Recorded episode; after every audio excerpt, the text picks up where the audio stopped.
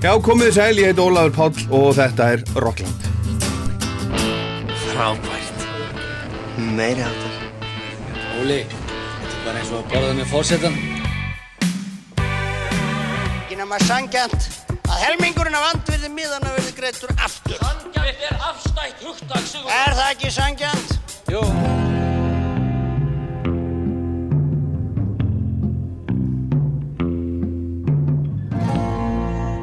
Maður er nefndur, Þorstein Eggersson. Þorstein þessi, Eggersson, sem hefur letið bara kallaðu Steini, er fættur í heimahúsi í Keflavík, Túngötu 10 í elsta hluta bæjarins, 25. februar árið 1942 í miðri setni heimstöröldinni. Steini er snar þáttur í íslenskri dægulegasögu, hefur sami marga texta sem við kunnum mörg og höfum oft sungið. Hann byrjaði að syngja og semja eiginlega fyrir tilviljun, var orðin bítill á undan bítlánum í raun og veru en þá átt hann svo eftir að hitta setna og taka viðtal við og líka Rolling Stones, þá var hann ungur bladamaður í Kaupmannhöfn. Hann samti texta fyrir Hljóma, Latta, Björgvin Haldásson og Brimkló, Lonely Blue Boys, Þú og ég, Flowers, HLH, fyrir Disney, teiknumyndir og fleira og fleira, fleiri hundru texta í það heila.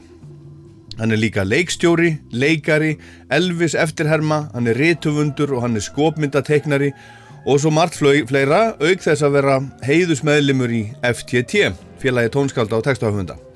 Og núna 22. februar, næsta lögadag, er planið að taka ofan fyrir steina og syngja slatta af þeim textum sem hann hefur samið, sem eru mjög margir, og hann verður upp á sviði líka og segir frá milli laga. Þetta fer allt saman fram í salnum í Kóbói þar sem hann gifti sig einmitt fyrir, fyrir nokkrum árum og ég ákvað af þessu tilöfni að reyna að fá steina til minn í Rockland, fá hann til að segja mér frá lífi sínu svolítið, samferðamönnum og, og tekstónum sínum og hann er mættur. Velkomin steini. Takk fyrir. En er ekki hann svo að þetta kallaði steina? Jú, endur það. Er þetta ekki alltaf að kallaði steini? Það kallaði maður steina, jú. Já. Herðu, sko, mér langar til þess að prófa uh, svona fyrirkomulega. Mér datta hug, sko, þegar ég var, að, var, að, var búin að fá já hjá þér að allar að koma, þá hugsaði, hvernig á ég nú að gera þetta? Þú erum að gera, gera svo mikið af textum. Er þetta ekki 400 og eitthvað textar? Ég held að það séu fleiri, ég vel. Fleiri? Já, Já ég ok. hættur að telja. Og hvernig á maður að velja í svona þátt? Það er bara eiginlega ekki hægt. Þetta er svo mikið, þannig ég ákvað að, sko, ég var með lista yfir svona slatt af því sem þú hefur gert. Ég klifti það niður, valdi út nokkra, klifti það niður og með það hérna bara póka, svona í, í svona litlum ræmum Já. og svo bara drögum við af og til upp texta og, og þá byrðum að segja mér frá textanum og, og læginu. Já, það líst mér vel á. Er það ekki? Jú. Heldur þetta ég, ég getur að ganga bara? Það er í örgum. En, en, en byrjum hérna á, á byrjunni. Þú ert frá, frá Keflavík Já. og þú varst nú ekki gammal þegar, þú- byrjaðir að semja ljóð.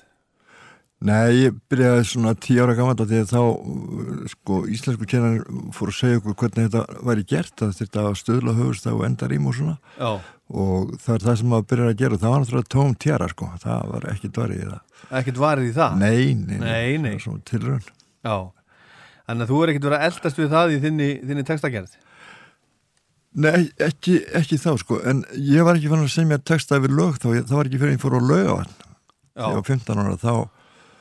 að ég fór á lög á hann. Já. þegar ég var 15 ára þá vildi svo til að ég var herbyggisfélagi Ingimars Eindals heitinn frá. Akureyri og við fórum að halda böll þarna aðra hverja helgi hann spilaði bara á orgel Já. og svo var mikrofón til hann staðar þannig að ég söngi mikrofónun og hann spilaði á orgelið en það var bara svo erfitt að heyra oft hvað þessir amerísku rockarar voru að syngja og segja Já. þannig ég vildi bara búa til mitt eigið efni Já, já. Ég er nú aðeins yngrið þú og ég var í hljómsveitinu sinni þar sem við vorum að pikka upp uh, texta. já. Við gáttum að hlusta á það aftur og aftur. Það var samt tóm vittlisa sem kom út úr því. Það er Og- nefnilega vill verða en, en á þínum tíma þegar, þegar þú varst að þessu þá, þá kannski bara heyrði þessu lægi einu sinni fyrir algjörða tilvílun, einhvers þar í útarpi Já, já, og, og þar að ekki þá var þetta gamla gufar sem var ekki eins, sko, þetta var ekki eins skýr útsending. og- Já, já, og lá, núna. lámbylgjan bara Þetta var bara langbylgjan. Og þá heyrði maður ekki alltaf hvað Lil Reset var, að- var að öskra, sko. Nei Herðu, en hérna, svo við höldum okkur við, við æskuna þú, þú varst hérna þú varst líka, þú varst líka náttúrulega teiknar og málari og byrjaði, byrjaði snemma á því Já, ég ætlaði mér að verða listmálur sko, eða tegnari. Já, ertu það ekki líka? Stundum er ég að, að fást í það, sko. við erum að fara að gefa plötu í og kona mín, Já, þannig að þá þarf að búa til plötuúrsla og eitthvað svona. Já, þú nú gert slatt af þeim líka. Ég hef gert nokkur svona, já, Hvaða, hvaða, hérna, blöduumslög? það sem hefur Eða líklega, svo eftir hverju, hverju mannstu helst? ég man vel eftir lægi sem að koma út fyrir 40, eða plötu sem að koma út fyrir 45 árum sem hétt Stuð, Stuð, Stuð, Já. fyrsta stóra plata Lonely Blue Boys? Já, og hún seldist alveg rúslega vel, ekki. Eitt krónu í auðlýsingar, bara búið til umslag já. og það virkaði Já, það var, það var stuð, þá vildi menn hafa stuð, ég á hana, á vínil. á vínir. Já, já, já. Vildi ég að fengi hann að lána hjá Helgu frængu minni þegar hún var ný, sko, hún fekk hann aldrei eftir eins og svo margar þar blödu sem hún kefti og ég fekk svo að lána þar. En hérna, en uh, svo fórstu í, í, í leiklistar skóla líka, þú, þú er gert svo marstinni. Ég, ég fór ekki í leiklistaskóla því að ég var bara uh, svona um fermingu þá, eða rétt fyrir fermingu þá fór ég á leiklista námskeið hjá Helga Skúlasinni Já, og Helgu Backmann, Helgi er keflingingur, eða var, blessu sem minningans og þetta var bara einn vetur já, já. en hann kendi alveg helling samt. Já, þú, þú, þú tilengaði þér alveg, alveg hellinga því sem hann var að, hann var að segja og Já. laði til og þau hjónin. Já, já, Já, já. Og svo náttúrulega hefur leikið. Ég soldi leikið ég hef nú verið meira í því að leikstýra heldur en að leika sjálfur sko. það er Já. skemmtilegra að leikstýra Er Þá- það? Já, þá er maður með alla yfir sína sko. Já, já, þá og heldur um alla þræði. Já, heldur Já, um og alla þræði. náttúrulega að ráða hverju leika þá, þá í leikritinu. Já, og, og, og hvað er að gera? Já, þú ert, þú ert svona, uh, svona rosalega fjölhæfur. Það er, hérna, það er, það er, er, er alveg ótrúlegt hvað þú ert búin að gera mikið á, á löngum tíma. Já, þetta er ekkit mikið svo sem að því að þó maður semmi kannski, neða þó maður semmi einhvern tíðan sendi ég 67 texta eitt árið. Akkurat. en að semja 67 texta á einu ári þá maður ekki gera nokkuð skapaðan út alla hina dagar Akkurat, koma, koma því á, á, á eftir. En hérna en hvernig, hvernig byrjaði áhugin á, á, á tónlist? Hvað, hvað kveikt í þér? Sko, við mamma vorum alltaf að syngja Já, þannig að þetta hefur alltaf blundaði mér. Hún var rosalega hrifin af þeirri músík sem var í gangi.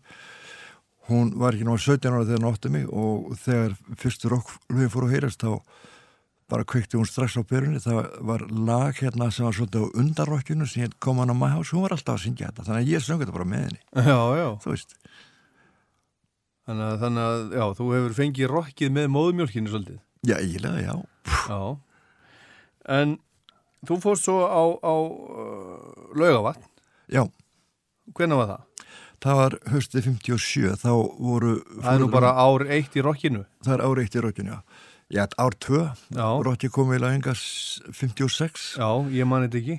Nei, en, en hérna þetta var 57 og það var vegna þess að fóröldur mig voru að byggja hús í Keflavík og það var ekki tilbúið. Þannig að þau voru ekki með nógu gott húsnæði fyrir okkur sískinni sko, þannig að ég var bara sendur í heimaverðskóla já, já. sem var mjög, mjög skemmtilegt. Er það ekki? Jó, það var alveg. Það hlýtur að hafa verið mjög gaman. Og, og, og lendur þá með, með Ingemar Eital Já, strax? Já, já, við vorum saman í landsprófum sko. Já, og saman í Herbyggi Já, já, ekki til að byrja með svo fórum við saman í herbyggi til svona setna mér. Já, og skemmtilegu náingin Ingimarar já og ég, þegar við Svo vorum, hef ég heyrt. Já, sko, þegar við vorum ekki að spila í héraskólanum Já. við notum uh, sko, skólastofana þar sem landsfróðar, það, þar var slegið upp balli á lögatum Alltaf á lögatum nei, annan, an, annan hvað lögata vegna þess að hína lögata hana þá spilum við upp í mentaskóla Já, já. Og í mentaskóla voru tveir strákar sem bættist þá í hópin það var annar spilað á trommur og hinn á, á trompet En var þetta þá á lögavatni, ég kom á lögavatni einu sinni á lögataskvöldi í kringum miðnætti fyrir svona 30 áru síðan. Þá var, þá var hérna vinur minn frá Akranesi, hann, hann átti einhverja vinkonu þarna og vildi endilega hitt hana.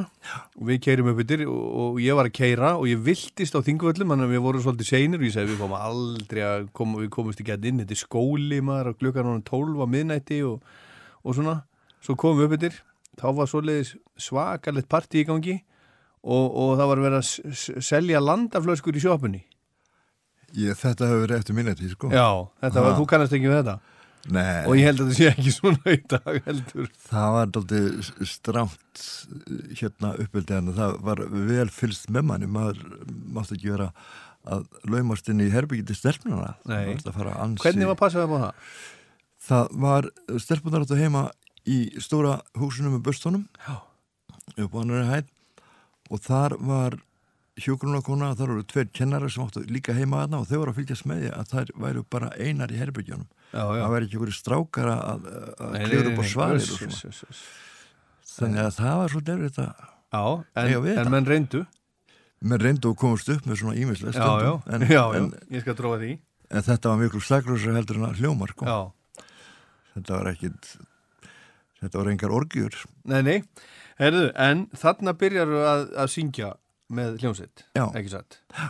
Og, og, og, og hvað hérna hvernig, hvernig gerðist það?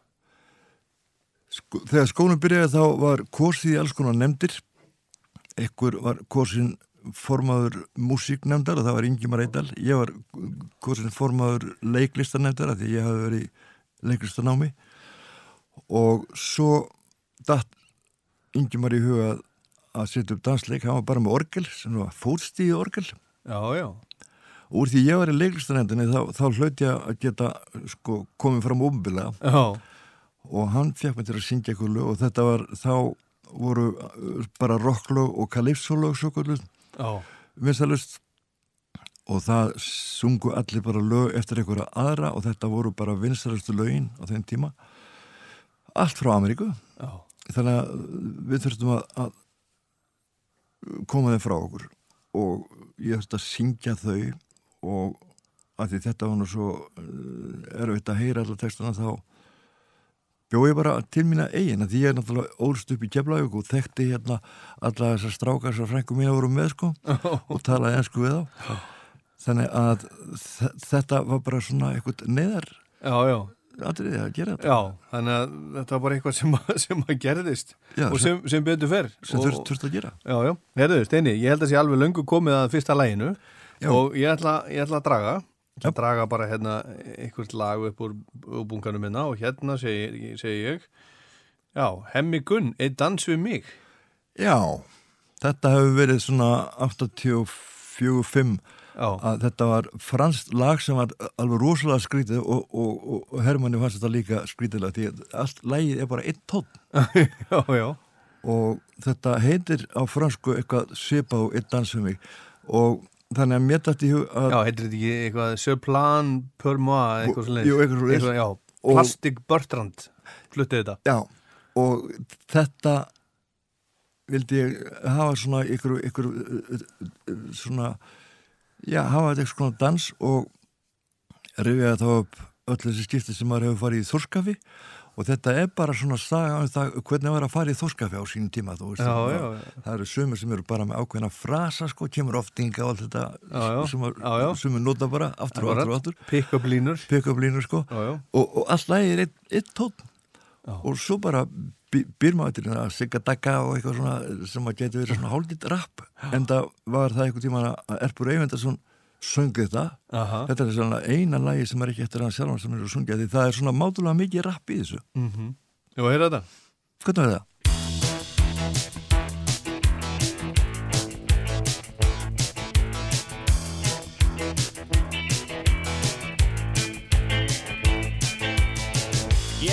Klukkan tólf, einn á balli til í knalli Fór inn á bar og setti star Drakk og drakk, fór á flakk, það kostar tvö að koma sér í stöð. Ég er einn í hvað Einn dans við mig. Klukkan eitt fylgdi skól Siggi, Kalli, Gummi, Njalli, Valli, Jósa, Fata, Matakar Og fleiri komu en ég satt Ég reyndi að drekka í mig kjark. Ég píða hark Það var minn tilgangur og marg Eitt dans við mig. Eitt dans við mig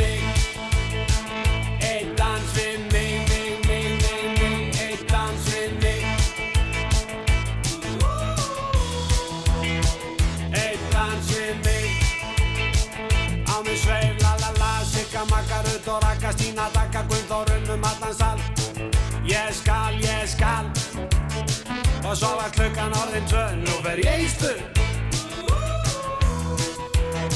Ég fæ mér einn og öskra mög Eitt dans við mig. Eitt dans við mig. Eitt dans við mig, mig, mig, mig, mig. Eitt dans við mig. Eitt dans við mig. Inn á bar. tón frá svo mass við að ná í glas Halló baby, hvað er kallinn þinn í kvöld? Ertu ein? Skulum kýla svolítið gas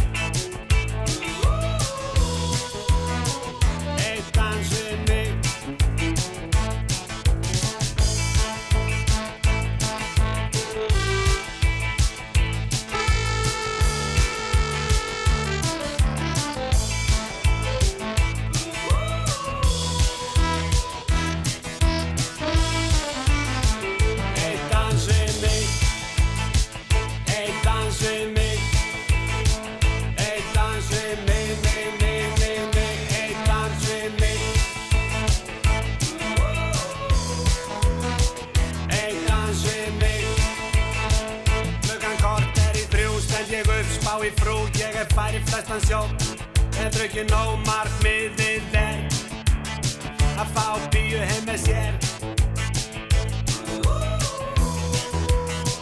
Eitt dans við mig Þetta er Rockland og gestur þáttarins er, er Þorsteinn Eggersson sem að samti þennan texta fyrir Hemma Gunn. Þetta er hvernig segir það? Þetta verður svona 84 finna 84-5, eitthvað, Já. eitthvað svo leiðis. En við erum ennþá hérna í bara 1900 og, og, um 1960. Já. Þú varst, þú byrjar að syngja þarna á laugavatni og, og svo varstu ráðin, ráðin söngvari, bara alvöru söngvari í KK 60, 1960. Já, það var sko K.K. eða Kristján Kristjánsson frá Sangeri, hann var alltaf að fá nýja og nýja söngara, hann var með fasta söngara eins og Elli Viljáns og Ragnar Bjarnason en svo var alltaf að ráða nýja söngara sem voru kannski bara með hljónstinni í halvt ár, það voru svona menn eins og Guðberg Óðin Valdimarsson og fleiri. Og hann auðlist eftir söngurum einhvern tíma 1960 um sumarið. Fullt af fólki sem sótt um. Svo valdi hann tíu til þess að koma fram Já. á tónleikum í Östurbæða bjói og, og hinga á þangað. Og þegar við vorum búin að fara svona á nokkra staði til dæmis hlíkar í Mórsfjörnsveit og, og Selfors bjó og Östurbæða bjó þá bara ákveðana að einn úr hóknum fengi vinnu og ég varð fyrir valinu Já, og varstu bestur?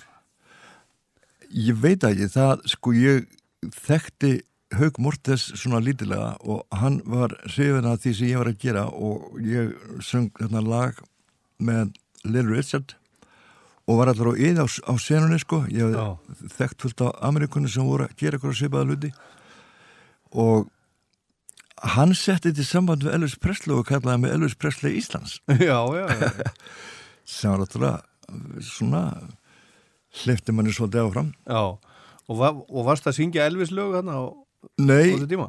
Já, sko, ég var syngiðilega Lil Richard, mér var Já, já. flottastur hann, Já, hann, já. sko við Rá, vorum, all, ráastur já, við vorum alltaf að spila hann á laugaðinni, sko, það var strákur sem að spila hann allan daginn. Aha, og ég var með eitt af þessum lögum hans í Östubæða bjói og þetta er náttúrulega lag sem Elvis Presley söng líka því að Elvis Presley tók þessi lög þessara blökkumanna og gerði þau að sínum og seldi miklu meira af þessu heldur já, já, breytið þeim, breytið þeim svolítið og, breytti þeim aðeins og já, líka já. því að hann var hvítur þá seldist þetta betur Já, já, en þú hefur verið að syngja bara, þú hefur verið að gera bara nákvæmlega sama og, og hérna, strákarnir fjórir frá Liverpool voru að gera. Þú hefur verið að hlusta á sama og þeir voru að hlusta á Little Richard og, og, Já, og Jerry sko. Lee Lewis og, og Ég, þetta var bara, tíðarandin bauði á þetta. þetta þetta var svona tíðarandi að fólk var bara að syngja músík eftir aðra, það var enginn að semja sína eigin tónlist nei, og þetta var músíki sem allir voru að hlusta á.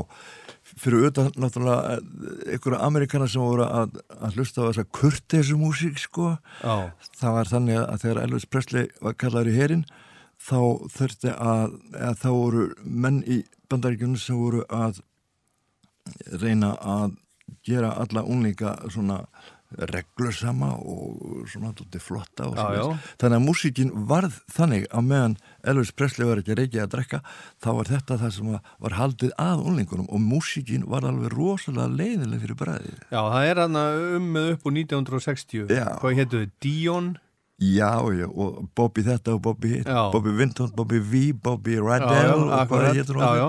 Það voru svona voða svona settlegir og sætir, sætir strákar, vel greittir og, og svona e- ekki mjög hættulegir, ekki svona eins hættulegir og, og þessi frum rockar, Chuck Berry og, og Little Nei, Richard og, þessi, þessi hvítu bobbar, þeir voru allir, sko, þeir var stjórna, þeir, þeir þurftu bara að haga sér vel og þá gáttu við fengið að koma fram í sjónvarpur. Já, já. En svo, svo stopnar þín eigin hljómsveit. Já, það var eftir að ég var búið með halva árið mitt í, með KK, Mm þá fór ég að spila í vetrakarunum, sem var náttúrulega sérstjænlegu staður. Hvar var hann? Vetrakarunum var ekkert langt frá flugvellinum, þetta hafði verið uh, hluti af tífóli, einn af engangunum í tífóli var kallaði vetrakarun Aha. og þar var þetta danshús og þetta var svona sökstaður sko svo þegar ég var búin að vera þar eitthvað tíma þá fór ég aftur til Keflavíkur og þar stopnum við hljónsett ég og nokkur aðrir. Og ég kallaði hana Beatniks að því Beatniks er eiginlega sko svona kynnslóð sem var með uh, sín eigin hugsunátt, sitt eigin tungumál og, og tungutak og allt þetta. Þetta var eiginlega sko fyrir en fyrir en að bílunum sem komið tíu ára síðan Beatniks, þannig að við köllum okkur Beatniks og þarna var trómuleikari sem setna átti eftir að stopna hljóma með mörgum örum aha. Gert Kristinsson. Og svo voru við þarna þrýri viðbútt, það fyrir manni ljónsett og við spyrjum alltaf tvisari viku á staði í keflaug sem heit Víkin. Já, já. þar vorum við bara á lotti og spilum Og, og hvað ertu gammallana? ég fekk starfið með KK þegar ég var 18 ára þannig að ég var ekki orðin 19 Já, þú ert svona 18-19 ára já, og, og manstu hv- hvernig þú sást framtíðina fyrir þér? Ætlaðar að vera í þessu bara? Að vera söngvari? Eða var þetta eitthvað bara sem þú hugsaði, nei, þetta er bara svona eitthvað ég ætla bara að prófa þetta í smá stund ég, sko þeir sem að, þeir sem að uh, fóru út í þetta þeir endust ekki mjög lengi í þessu sko Nei. menn endust í svona 3-5 ár Já, þannig að ég hafði alltaf hugsað mér að vera annarkot grafískur hönnur eða fara út í myndlist að einhverju liti þess að ég fór í til Danmarku til þess að læra. Akkurat og, og, fekk svo starf þegar ég kom heim sem ölsingategnari Akkurat, koma því á eftir það er komið að næsta lægi sem ég Já. dregi hérna upp úr, upp úr hattinum. Ertu, ertu tilbúin? já, já, Flökkum hérna fram og tilbaki í tíma. Það er ekki hægt að gera þetta. Það er ekki hægt að gera þetta öruvísi Hérna er Án þín, Trúbrot og, og Shady já Segðu mér nú frá því þetta, Það er nú lag sem hefur, hefur líklega ekkert lag verið sungið eins og oft í söngkefni framhaldsskólana eins og það nei, þetta lag uh, var svona bara miðlungsvinsalt með Sadie Owens Er það? Já, það, það eru uh, sumir sem hafa náð, náð lengra með þetta, ég held að hún Mói Júniustótt, ég held að hún hafi haldið þessu lengur á, á toppnum setji á sínum tíma, sko. Er það virkilegt? Ég held það. Og þetta er lag með The Supremes My Life is Empty Without You. Hún hérna fekk mig til að gera hann texta hún Shady sem ólst upp í bandaríkjunum og vildi náttúrulega amerísk lög. Hún átti svolítið erfitt með að bera fram sum hljóð í Já, já. íslensku. Það er það sem gerir þetta svona, svo sjarmerandi að heyra hann að syngja. Já, og, og reyna að vera ekki með svona erfið hljóð sem byrja á annarkota HR eða HL eða eitthvað svona. þannig að þú þurftir að, að laga, laga textasmíðina að því Svolítið, hún átti til að erfitt með að segja orðin svo hryllilegt, henni fannst alveg hryllilegt að segja hryllilegt, Já, til dæmis. Að því hún var ekki vöna frá uppeldinu sinu í Texas. Já. En, en Shady sér að hún baði um að snúa þessum texta eða gera íslenskan texta við þetta Supremes lag Já, hún baði um tvö lög fyrir þessa plötu, þetta var uh, fyrsta stóra plata Troubles, það var þetta lag og hlustaði á regnið, hétt hitt. Gott lag líka. Já, gott lag líka, hún var hrjóna þessari músík. Já. Heyrum án þín. Allt er svo indarlegt án þín ég. Án þín er sólin lingur skín ég. Alein ég arka niður að sjó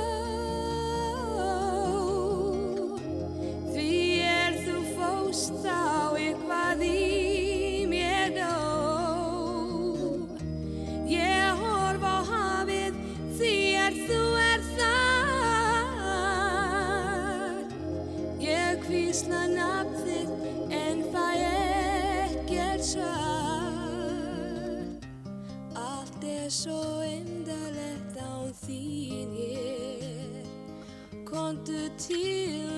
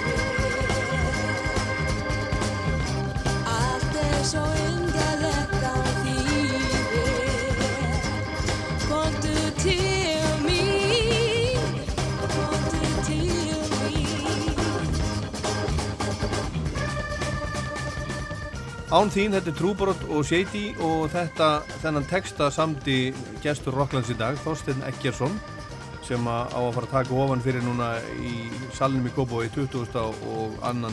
februar næstkomandi á að syngja textan hans við all lögin sem hann samdi þau, fyrir og við erum hérna að skauta í, í gegnum lífið að steina og, og, og ferilinn og við erum komin að, að árunum 1964 þar sem þú ert í, í Danmörku. Þú, þú fórst í Danmörku til þess að læra myndlist Já, eða grafíska hönnun.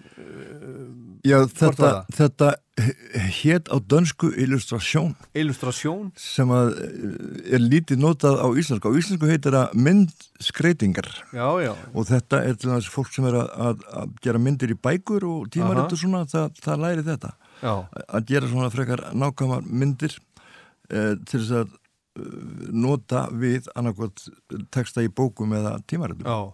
En var ekkit, eh, var ekkit erfitt að fara úr örygginu á Íslandi til, til Danmörkur, ungu maðurinn á þessum tíma? Alveg, það var svakalegt. Er það? Já, það er sko, maður fer hérna út og heldur að maður getur bara sigrað heiminn Já, og svo er þetta bara tómt vesinn og villisa já. og einhvern tíma þá borðaði ég ekki matabita í 11 daga Í alvör? fekk bara hérna, fór nú á klósut og fekk mér hérna bara vatn úr krananum á, á almenningsklósutunum að því að sko, maður kunni ekki á neitt kerfi, sko, atvinnuleysis kerfi en eins og lýst, þetta var eitthvað svo skrítið Þú bara áttir ekki peningur í mat? Nei, átti ekki og var enginn hérna í kringuðin sem eitthvað bjargaðir eða neitt? Ég þekkti þetta konu og hafði, Þekktir þú engan þegar þú fórst út? nei, svo kynntist ég uh, þessari konu og sinnar en þau voru bara á Jótlandi á þessu tíma þannig að það, það var enginn til þess að fara til. Á Íslensk kona? Já, já, já, já, svona en jú, jú, svo setna kynntist maður fólki og, og ég fór þarna á eitthvað heimili fyrir atvinnust fólk sem var bara mjög fint sko. Og þar var indæris náðandi sem rakk þetta heimili og hann uh, sko stutti vel við baki á mér. Og þegar var gefið út blað svona bara uh, þessa heimilis það rétt fyrir jól þá gefið út svona bara tímaritt fyrir, fyrir heimilið. Þá datt mér þetta í huga því að það var alltaf reyna að skrifa eitthvað í blaðið sko.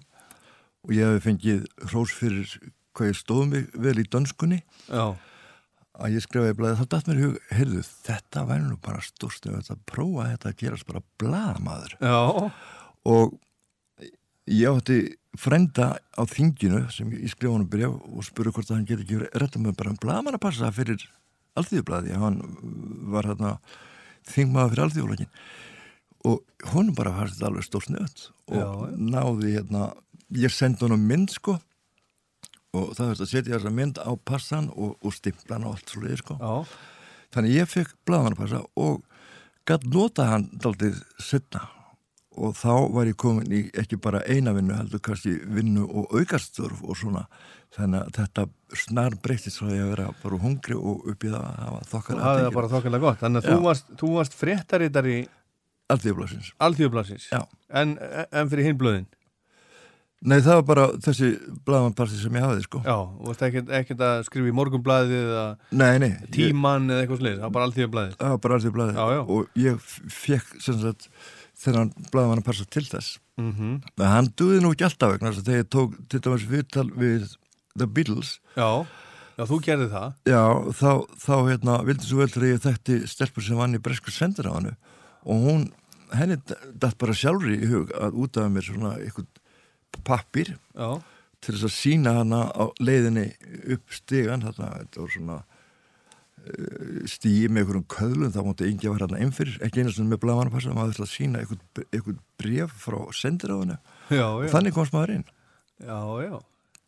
Og svo þegar ég hérna hitti The Rolling Stones Býtu, stöldur maður þess við bítlana ég meina, þú ert, þú ert ábyggilega eini maðurinn sem að eh, Íslandingur sem að tók viðtal við bítlana Já, þetta voru sem sagt 75% af The Beatles. Að Já, að, að ég, það er nú al, alveg bara aldrei snó einn þegar var á sjúkrafsi, er einhver starf á sjúkrafsi og það var einhver auka trómari fyrir hans í Jimmy Nichols sem var bara á þessu tónleikaferðalegi með The Beatles og, og síðan bara hefur ekki, ekki spurst til hans Nei, ég hef aldrei, aldrei heyrt að nefndan Nei.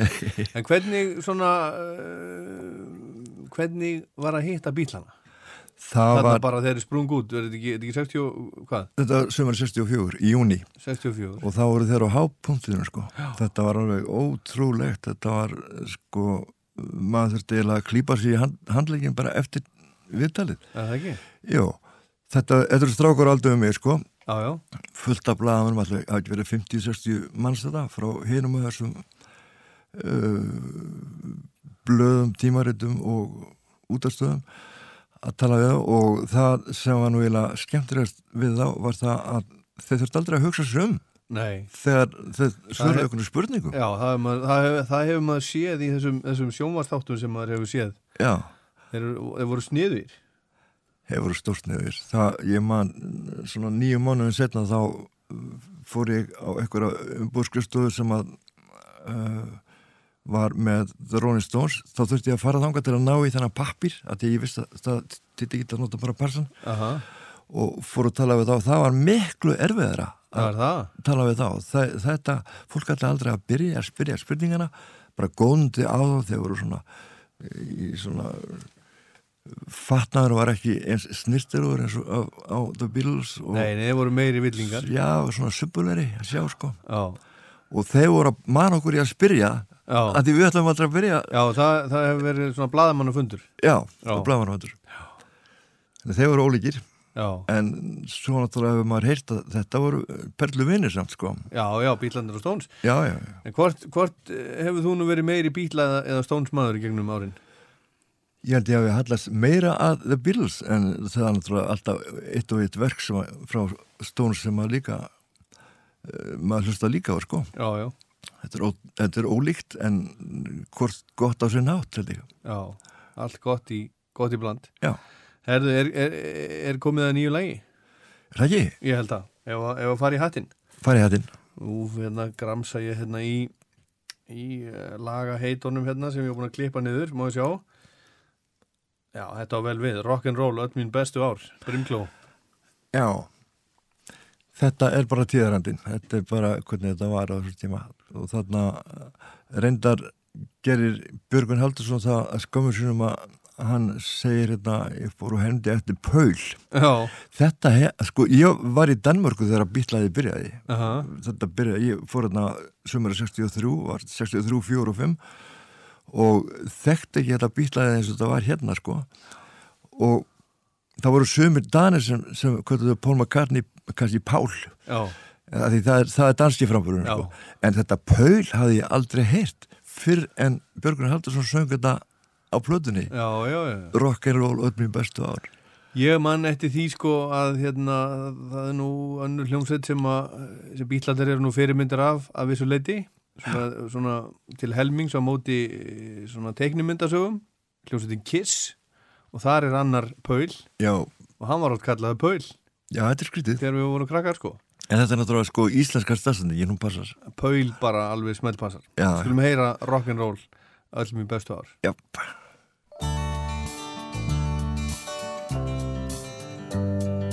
Ég man ennþá er ég kifti fyrsta gítargarmin minn Þá fór ég meðan út í bílskúr og ég æði mig um sinn Allir heima þurft að hlusta hundrað sinnum á mín lög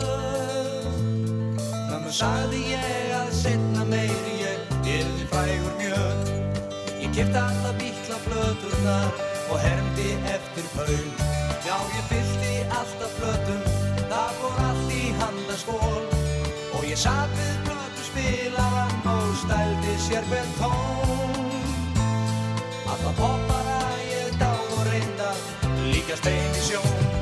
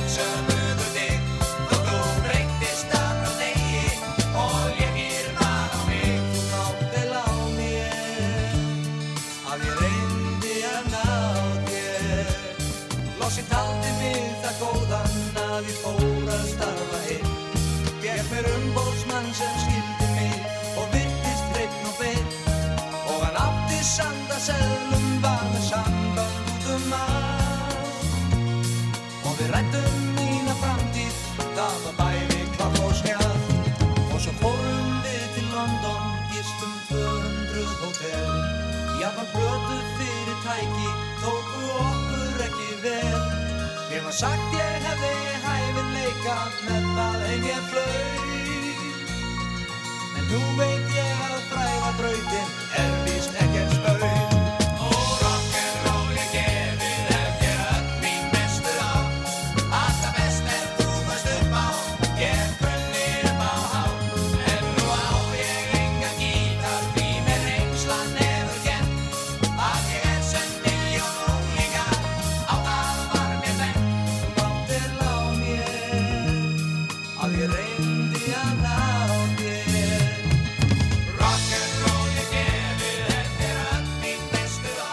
Þetta er rock'n'roll öll mín bestu ár, hljómsveitin, Brimkló, gestu þáttarins er, er Þorstein Eggersson sem að samti þennan, þennan texta og, og þetta verður jafnvel sungið í salnum núna 22. februar, söngvar um lífið, þar er verið að syngja textana steina eða hvað, er þetta á dagskarunni þar?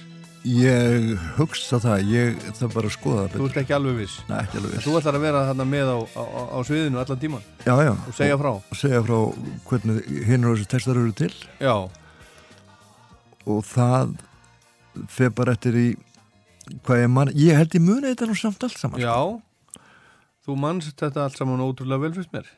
Já, Já, það líklega að ég, ég fór frekar í viski heldur en hasið. Ég nefnilega lent andri í því sko. Þeir sem að lendu í því, já. þeir muni ekki neitt. Nei, það er svolítið, svolítið henni. Þú, þú varst meira í viskíinu heldur en, heldur en já, En, en þessi texti hérna, rock'n'roll og öll mér bestu ár, hérna, hvernig kom þetta til að þú, þú gerði þetta?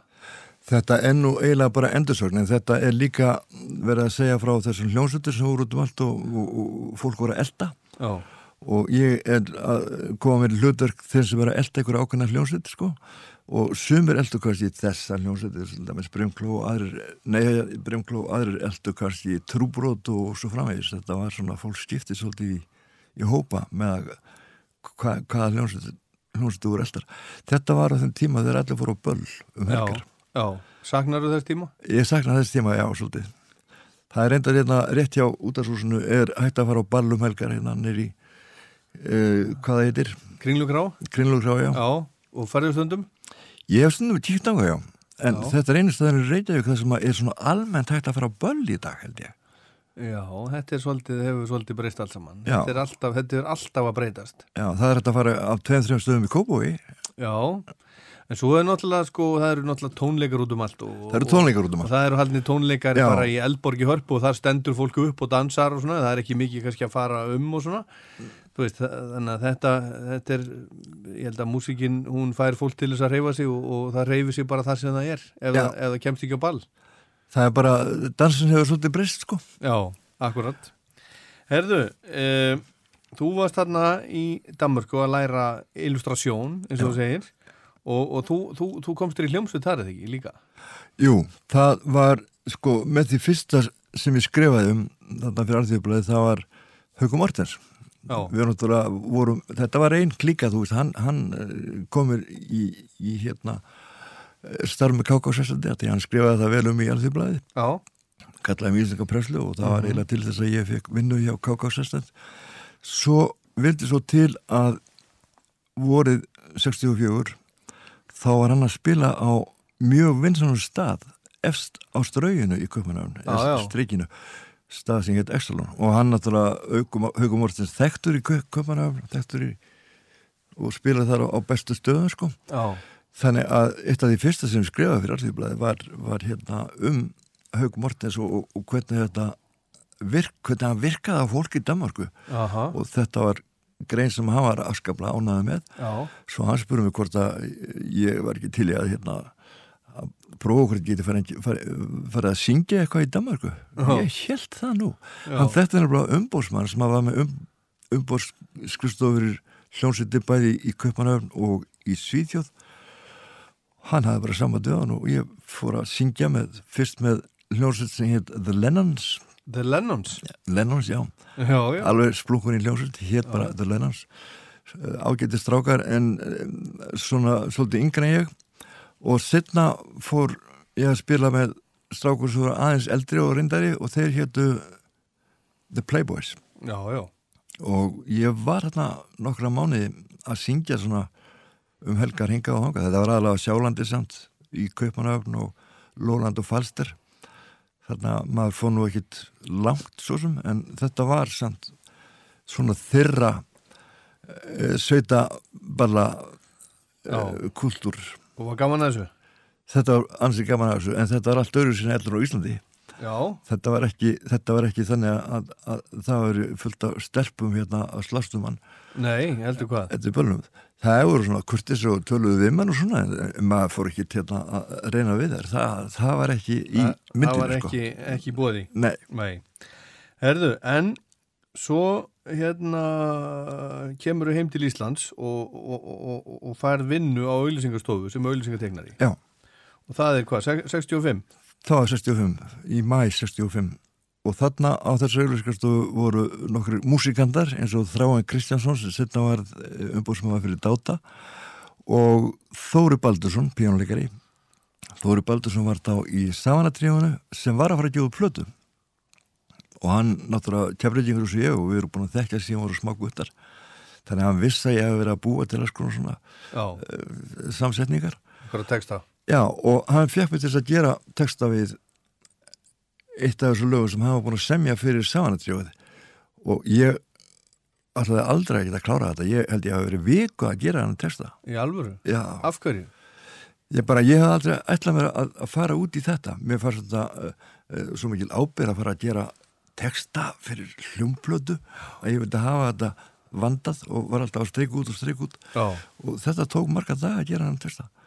En svo virkaði þetta, þetta var spilað mikið þarna sumari 65 já, þetta er ást í meinum. Já, Ég held að við ættum að heyra það núna. Ok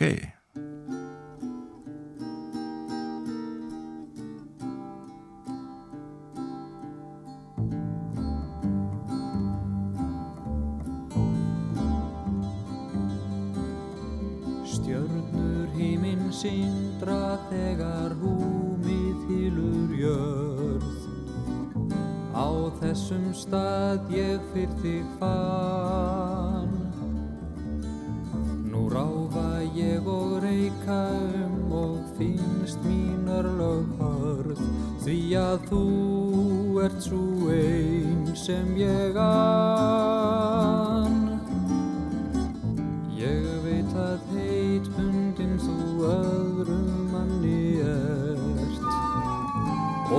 veit ég væntam á ein eins Ég reyna að gleyma en það get ég ekki gert. Þótt ég reyn hafi allt því að svo er ástin heitust sem með meinum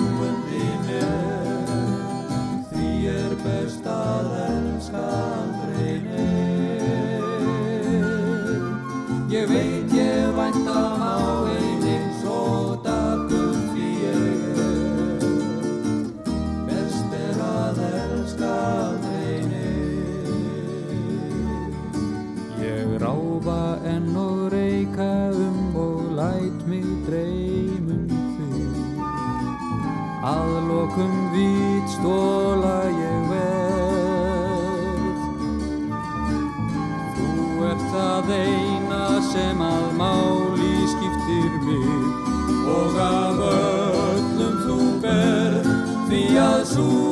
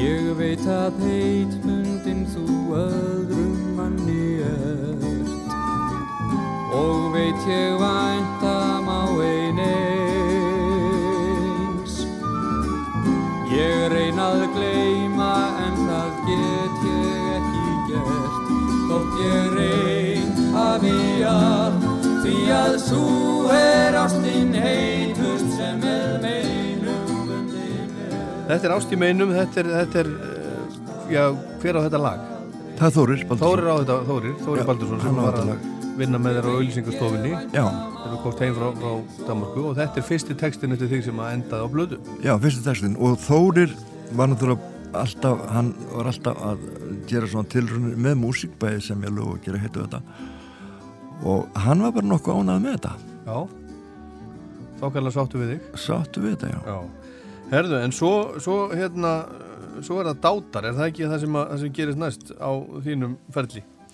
Jú, það gerðist akkurat á þessari sömu auðlýsingar skrifstofu Já. það var skrifstofustjórun okkar Þráinn Kristjánsson hann átti bróður sem var gítalegari en var ekki í nefnin hljómsveit þannig að hann vildi stopna hljómsveit um bróð, neð, í kringu Já, já. sem ég til maður Kristjánsson og auglýst eftir nokkur strákum svo voru þeir bara teknin í pröfu þessi strákar og þeir bestu voru fengni til að stopna hljómsveit sem hann kallaði að dáta að því hann hefði farið til London og keft buksur á einhverja strákar svona og það var með útvíðum skálmum Já. sem voru kallaði svona dátabuksur svo úr því að það voru og litu þannig út þá, þá kallaði hljómsveitina bara dáta. Hann bjóti nafnið og hann sagt, valdi í hljómsveitina. Og þessi hljómsveit varð setna rosalega vinsel Heldur betur.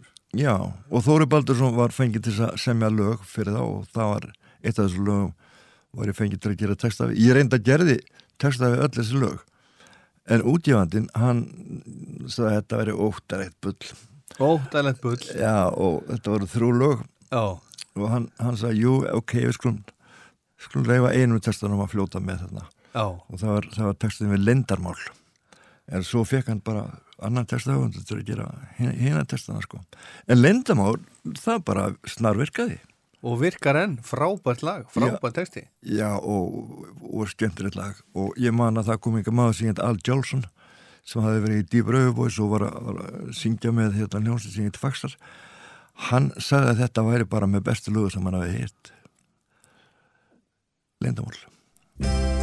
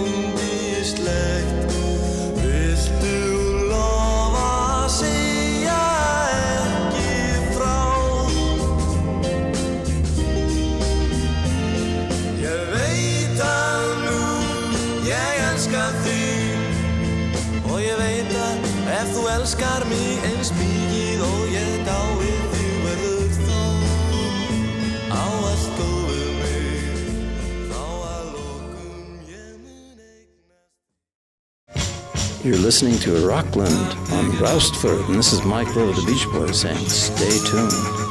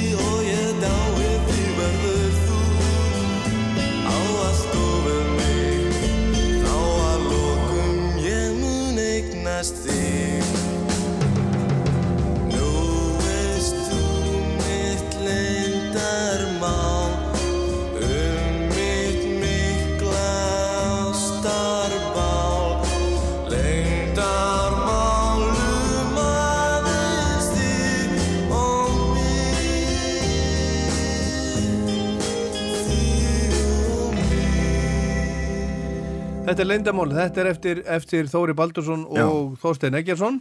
Þetta kom út hvenar? 1960 66 held ég að komið Þetta er 66 Já. og þarna, þarna samtiru, samtiru þetta. Segðu mér, þú, hérna, þú, þú kynntist þeim nú ansi vel, eh, dátunum. Þú, Já, þú já. ferðaðist með þeim og...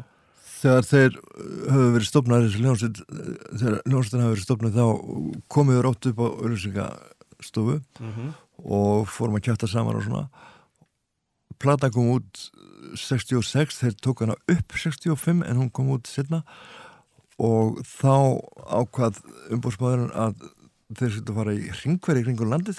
Var búin að kynna og það vel að, að, að hann vildi sína öllum landsbunum þessa hljónsveit Og þetta Ég- var, þetta var spilað í útarpinu svona? Þetta var, já já, og þetta lag var að spila mest af þessum lögum. Já og ég fór með mig kringur landið sumar 66 og þá Sem hvað þá? bara til að halda þeim félagskap. Já, bara þannig. Já, í rauninni þá var svona undirleikjandi eh, annað tilgangur, það er að segja eh, þráinn hann vildi gera lagi það vinsælt að það er allstað að spila sem hægt er að spila. Þannig að hann fekk mig til að skrifa bref í Já, já. Og, og ég get nefnilega sko búið til alls konar rítandir ég stelt hvaða rítund sem það var og, og sjömskrifaði kannski með grænu penna og, og annað með bláum og svona. Stundu þótt því að vera eitthvað stelpa í, skagafyrði og ykkar þú veist. Gott triks maður. Nema alltaf þegar við fórum nálætt einhverju póstúsi Já, þá fór bara bílstunum með þessi bref í postkassan já, já, já. og þetta var náttúrulega fullt af þessu brefum sem að rötuðu í þettina þannig að þetta Og var hvaða, vinsastlega hvaða þætti, þættir voru þetta sem, sem varst, varst að skrifa? þetta voru, Lunga fólksins eða? þetta voru, já, þetta voru bara lögungahólsins og svo held ég að hafa verið hægt að fara í einhvern einn annan þátt, það var ekki hægt að fara í óskalag sjómana eða óskalag sjúklinga Okkur ekki? að því óskalag sjúklinga þurfti að, það þurfti brefan að koma frá, Frá sjúkrahúsum? Var, var það þannig? en ég held að okkur hafi tekist að fara með ykkur lög í óskalag sjómana sko, Já, já, já. þá gáttu við sendt sjómunum Þetta er náttúrulega bara, er, hérna erum við að ljóstra upp um, um hérna, rúm, rúmlega hálf, hálfrar aldar uh, gammalt leyndamál. Já, en það var þetta leyndamál sem Þetta var leyndarmál, já. þetta var náttúrulega eitthvað sem er ekki, ekki hægt að gera í dag Nei, nú gera mér bara, senda mér bara tölvupóst eða eitthvað, nota Facebook og svona, það Já. er alls konar triks notu til þess að fá lög spilið í útarpinu en þetta í dag, sko.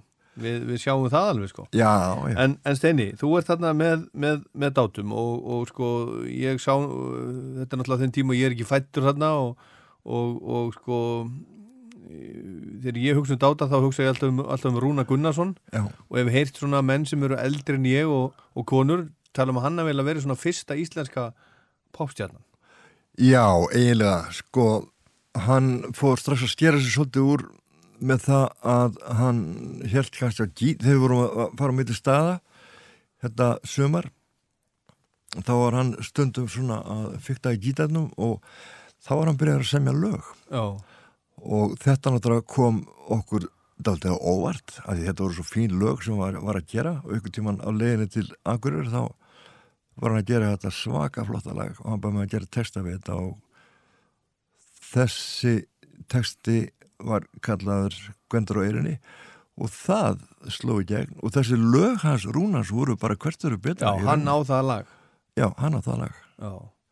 En á, áður en við heyrum það, við, við þurfum auðvitað að spila Gwenda Veirin hérna líka, áður en við förum í það. Segðu mér aðeins, aðeins frá, frá Rúnari, hann náttúrulega, uh, sko, hans líf endaði ekki, ekki vel. nei, Hann ákvað bara að taka sitt eigi líf. já, það Hvað, hvað var hann gammal?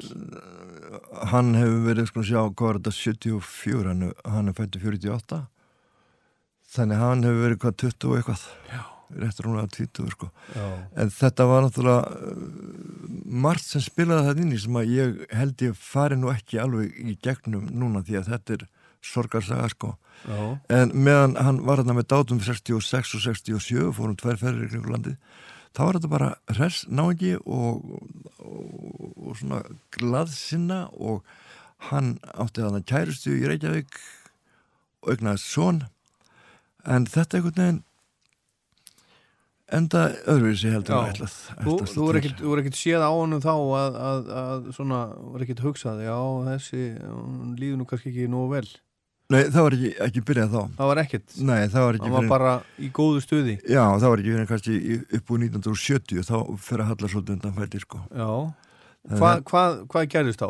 Svona, þú getur sett okkur aðeins inn í það á, á þess að við förum eitthvað mjög djúft í það. Já, það var svona ímestað sem, sem maður heyrði, ég veit ekki hvort það, það er hægt að fara með allt saman en, en hann misti föður sinn og þá kom við ljósa að þessi pappans hafa aldrei verið pappans. Og, og hitt og þetta hann hafi verið að spila með hljómsveit Ólars Gauks og gekk mjög vel hérna í Lító á sínum tíma. Svo fór hann að spila með annar hljómsveit í Glumbæ tilvera hétt hún. Og það fór hann einhverja enn aðra þannig að þetta var svona aðeins alltaf hallundafæti og á endanum þá var þessi popdrömmur hann var orðina engu í rauninni Já.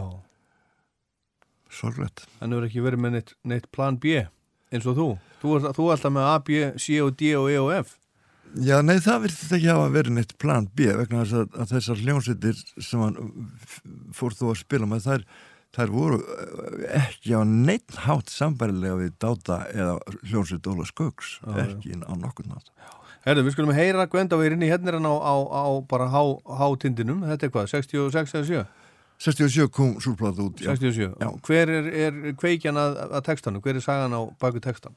Já, þetta er ég hef búin að heyra hennan uh, söng í rútunni á leiðin til akkur Á lægið sem að rúna samt í. Já, og var að hugsa um þetta lag og eins og oft gerir svona eftir böl þá var eitthvað búið í partí og við erum búin að vera hann í partí langt framöndu morgun. Jökstar nálagt hérna kaupangurs hverjunu akkurri vorum að labba nýra á hótel. Klukkan hefur ábyggilega millir 5 og 6 og við vorum allir, eða flestir við skál. Og þá hittum við mann sem var að sopa guttuna á Akureyri á, á hérna í Hafnarstrætinu sem er eiginlega í miðbærum á Akureyri þó að heiti Hafnarstræti. Og við fórum að tala við þennan mann. Sem voru svona aðeins að dingli en ég veldi svona frekar heyri í að því ég var ekki búin að drekka svo mikið og hinnir og þá kom ég ljós að þessi maður hann var bara hann fekk bara heilmikið út úr því að vera að vinna og, og þó hann hafi verið eh, sko í vinnu annars þegar þá fór hann elstnum að fætur á mótana til þess að sopa gutnar og þetta var svona kallin sem hafa eitthvað tíma verið skútukall og svo framvegis.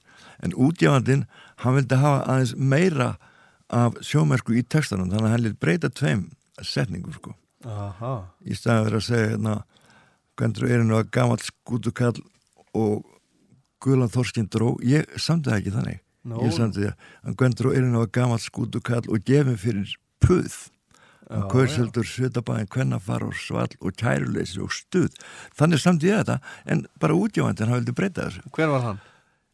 Svákjess Það var Svafa Gess. Já, já. Herðu, við skulum heyra þetta eins og Svafa Gess blessa þetta, og Eirinni, Já. 1967. Já, já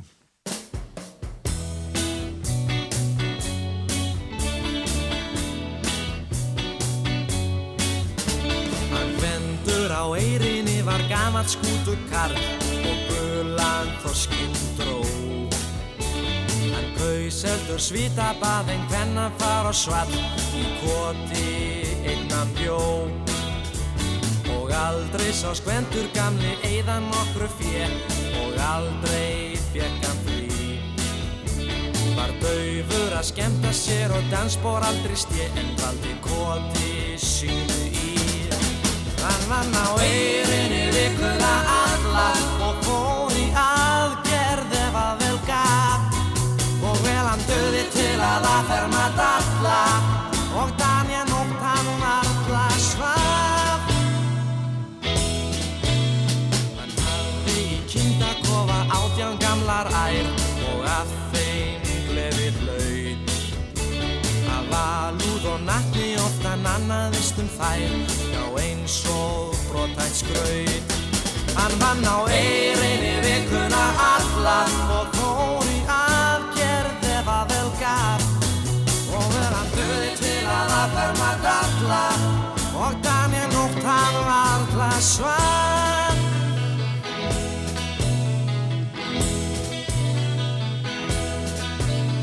Hann gvendur á eirinni var gæða sál og hrein Gauki hafði sín. Liggunum var þreyttur og lúin kvílir bein og leiði hans er tín. Hann vann á eirinni vikuna alla og fóri aðgerð ef að vel gaf. Og vel hann döði til að aðferma dalla og danja nótt hann varðla svaf.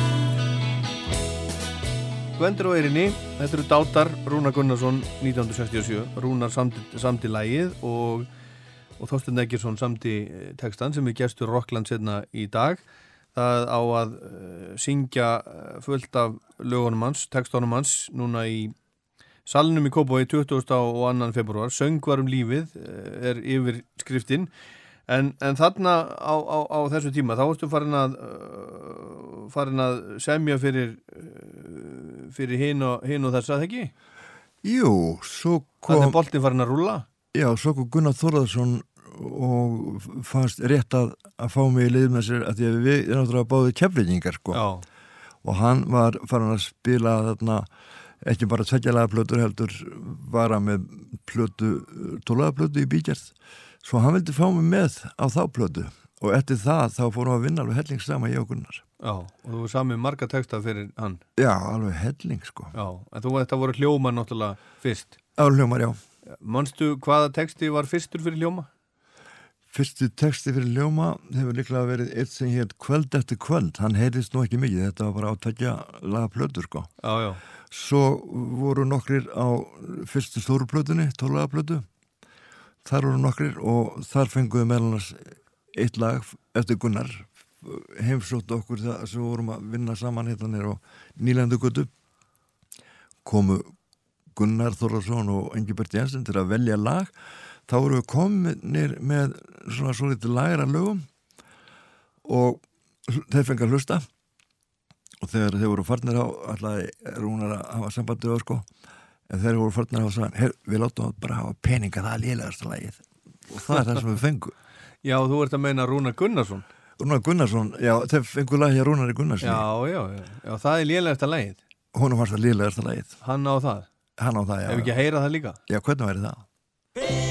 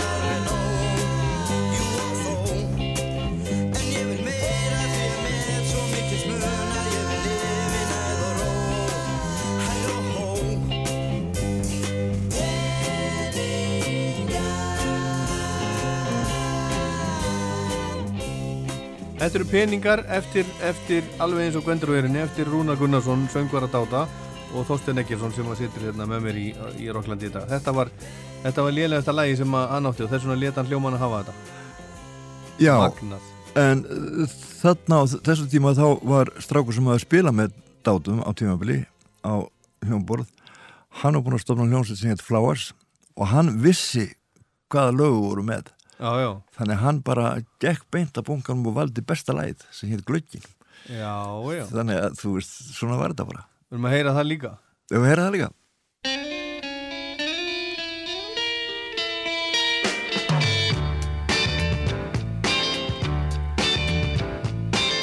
Ég skut og gæist oft út um glöggan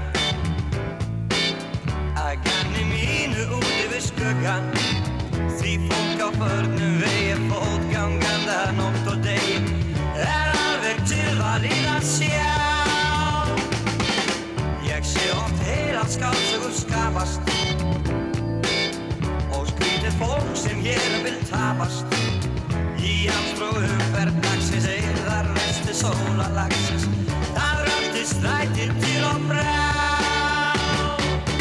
Stúkur og stalgæjar Standandi upp við bæ Og sýpa fleira mátar sjá.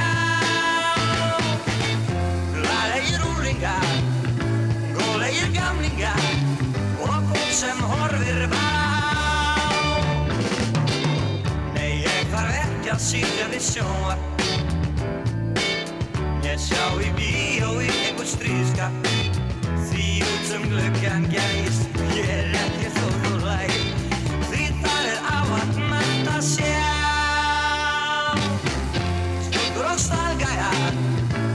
Upp við bar Og síðan fleira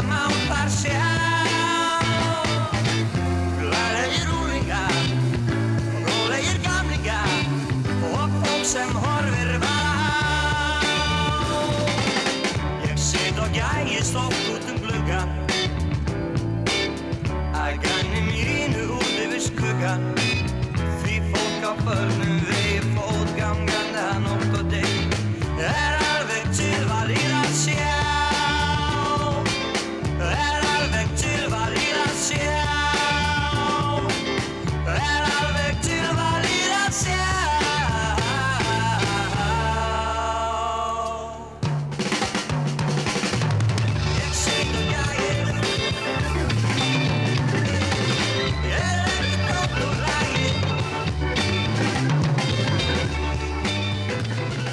Þetta eru Flowers, þetta er, þetta er glugginn. Já, Rúnar Gunnarsson á þetta lag. Já, já, hann var þetta Já, og þú á textan Já, já, flott lög hjá hann Rúnur Hver, hver er, er hérna uh, kveikjarna þessum, þessum texta?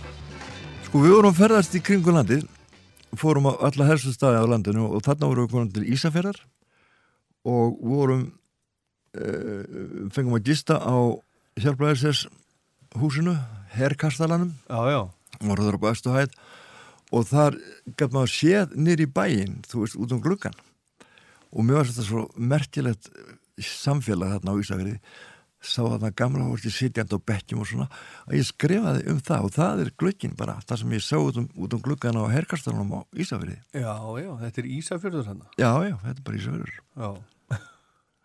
Merkilegt. Já, já, Herðu Steini, hérna þegar ég var þegar ég var strákur, þá var eitt þá var, var gefið út blað hérna á Íslandi sem ég var alveg svakalega spenntu fyrir sem ég sá, sá stundum út í sjópu Mitt Samuel já, þú, þú átt nafnið og þú, þú ert einn af þeim sem að komu því á laginnar já en það þetta er skemmtilegt að segja því líka að það nafn var líka til á Ísafjörði Já, já. Sko, þetta var náttúrulega þráinn þurfti alltaf að senda auglýsingar til útdarpsins, þurfti alltaf að fara á símstöðina og senda auglýsingarnar þaðan. Og hann lendi vandræðin vegna þess að alltaf sko undirskriftin í þessum auglýsingu var alltaf annarkot stjórnin eða nefndin. Já, en strákarnir í dátum þeir sko heldu börlinn sín sjálfur þannig að hann gæti ekki verið að skrifa undir stjórnin, nefndin eða kvennfélagi eða eitthvað svoleiði sko. Nei, nei. Og, og kunni ekki við að skrifa dátar undir dátar í alþjóðu svona á Ísafjörði kvöld og hann var að velta fyrir sig hvað hann átt að setja hana undir þetta þá heyrði hann að það er kallað í eitthvað á sínstöðunni því að fólk var að rengja til Reykjavíkur Já. og þá þurfti alltaf að fara inn í ákveðin svona klefa, Já. símaklefa og þurfti að býða eftir að komast í klefan þess að geta ringt til Reykjavíkur þannig að afgræsastúlkan hún kallaði það nýru svona Samuel klefi 2 Já, og, og þegar hann heyrði þetta að þráin þá hugsa hann Samuel þannig að hann bara skrifaði hérna dátar í alþjóðsson Ísafjörði í kvöld Samuel og svo myndi ég eftir þessu þegar við fórum að stopna þetta tímarinn að þetta var bara gott já. Þú, já, þú varst einn, einn af þeim sem, að, sem, að, sem að komst að stofnun þessa blaðs. Já, já, já, Hver var hugmyndin? Þetta var svona Þetta er, þetta er í rauninni merkilegt, ég ásóldi af þessu, ég, ég, ég, sapnaði þessu þegar ég var, var unglingur, þá var ég að kaupa þetta í sapnarabúðinu og svona. Og þetta er svona unglinga tímaritt fyrir ungt fólk. Já, og það voru hérna greinar um allt mögulegt svona fyrir, fyrir ungt fólk í raunni og svo var alltaf myndir að bera um stelpum líka. Já, sko til að byrja með þá var þetta bara unglingamenningin og, og, popmenningin en svo eh, þegar þetta fór út í að vera svolítið svona eh, meira glanstímaritt þá var tekin sá pulli hæðina að líka svolítið eftir mörg af því sem þar var að gerast. Þannig að á þeim tíma þá var mikið af myndum af fáklættum stúlkum og svona ánveg að það tæmi beinlinis efninu nokkuð við sko einmitt Það voru bara myndir Já, gáðu já. selta blæði. Já, já, þetta hefur ábyggilega verið einhver, einhver hérna, einhver eitthvað út, útpælt á, baku þetta, en hvað varstu lengið þannig innabóls í Samuel? Samuel, ég var svona uh, upp og ofan uh, mörg ár sko. Ég var upp og ofan hann í mörg ár. Ég fór eitthvað til útlanda í mildtíðinni en svo kom maður alltaf aftur og, og svo var þetta orðið að útgáfu fyrirtæki sem gaf út vikuna og hús og hýbíli og fleiri tímaritt. Þannig ég var heilningi hérna hjá þeim, Já, mörg ár. og þú varst líka, líka að skrifa í allt hitt, Já, já, hús og hýbili og já, já, já, já. vikuna og, vikuna og sér að, ég held ég hafi meira sér að skrifa í gestjáðan en Já, já. það voru nú svona kannski sérfræðingar í, í matager sem voru þar. En, já, en þetta er svolítið, svolítið merkilegt steina, því við vorum að tala um Rúna Gunnarsson hérna á hann, var söngvari í hljómsveit og lagasmiður. Og hann var ekki að gera neitt annað. Þú ert, þú ert söngvari, þú ert, þú ert leikari, þú ert að leikstýra þú ert að tegna myndir þú ert að skrifa hérna í blöð semja texta, þú gerir alla fjandan ég sko Á, Rúnar, ákvaðstu einhvern tíman að þú ætlaðir að, að verða eitthvað þegar þú eru stór? Þegar krakki þá ætlaði hann hvort að vera myndlistamæri að leikari. En svo var það með Rúnar Gunnarsson hann var nefnilega sleipur málari. Hann málaði flotta myndur og teiknaði alveg helling sko. en hann gerði bara ekkert mikið úr því. Hann gerði flott málverk já, og var að gera þetta svona ánægast að fólk vissi mikið að því já hann, hefði kannski, ef, ef honum hefði bara liðið betur þá hefði hann kannski bara orðið flottu myndlistamæður hann hefði verið það, já, já, já. blessus í minning hans. Blessi minningar Herðu, Led Zeppelin, þú heiti þá? Já, segðu mig frá. Þá var ég farin að, að skrifa fyrir tíman á sunnutum. Þá ég var með sérstakar síð alltaf á sunnutum sem hér bara með ungu fólki. Led Zeppelin kom inga 1970 sem aðal númer fyrstu listaháttíðar Íslands og þetta áttu nú kannski ekki að vera aðal númerið en var það samt sko. Sumum fannst þetta ekki nóg menningalegt. en Nei, nei, þetta ekki var- nógu þetta merkilegt. var- Já, þetta var aðal númerið samt á fyrstu listaháttíðinni Já, og þeir heldu uh, tónleika í lögatarsöll við hittum þá út á Hótel Sögu þar sem að þeir uh, áttu að dvelja með voru hérna og mér varst þeir svona svolítið stóru upp á sig svo eftir tónleikana þá var haldið partí á stað við Grensásvög sem hétt Las Vegas. Las Vegas var, var diskotek og það var engi glukkar á því. Maður sá hverki út úr húsinu. Þetta voru bara hérna e, betrekti veggir með svona rauðu betrekki eða veggfóðri. Og þarna var haldið parti fyrir þá. Og það var hérna drukkið og, og, og, og hlusta á músík og svona þetta var svolítið stuð á þessum stað. Og þarna voru þeir sko aðal kallanir sem var Robert Plant og Jimmy Page þeir eh, sem bar mest á þeir heldur sér svolítið út af fyrir sig. Svona voru kannski ekki alveg að drekka viski eins og sumir. Og svo var þann trómuleikarinn John Paul, nei, John- John Bonham? John Bonham, já. Hann var í viskinu já. og hann var svona rókurars fagnar hann á staðinu sko.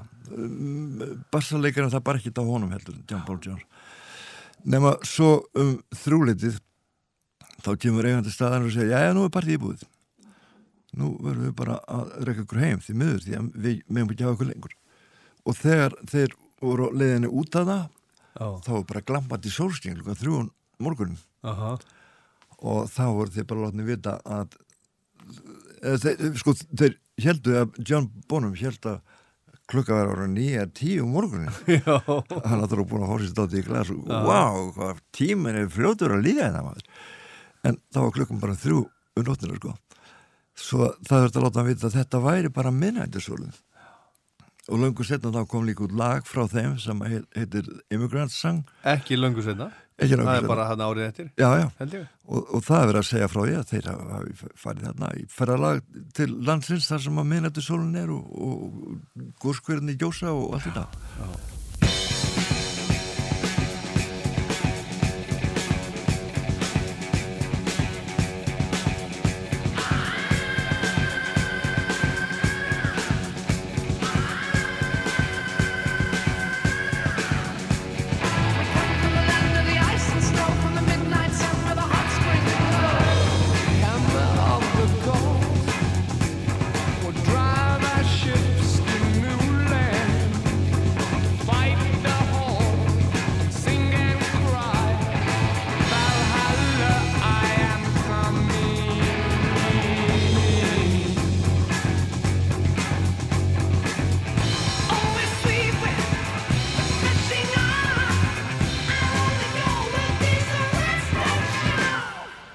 Steini, þetta er, þetta er Im Immigrant Song. Ég hitti mitt Robert Plant fyrir 25 árum síðan út á, út á Glastonbury Festival. Já, ok. og, og spurði hann út í þetta Já. hvort það væri, væri, væri rétt að þetta væri hérna, um Ísland. Og það er always reminds me of Iceland. Já, ok.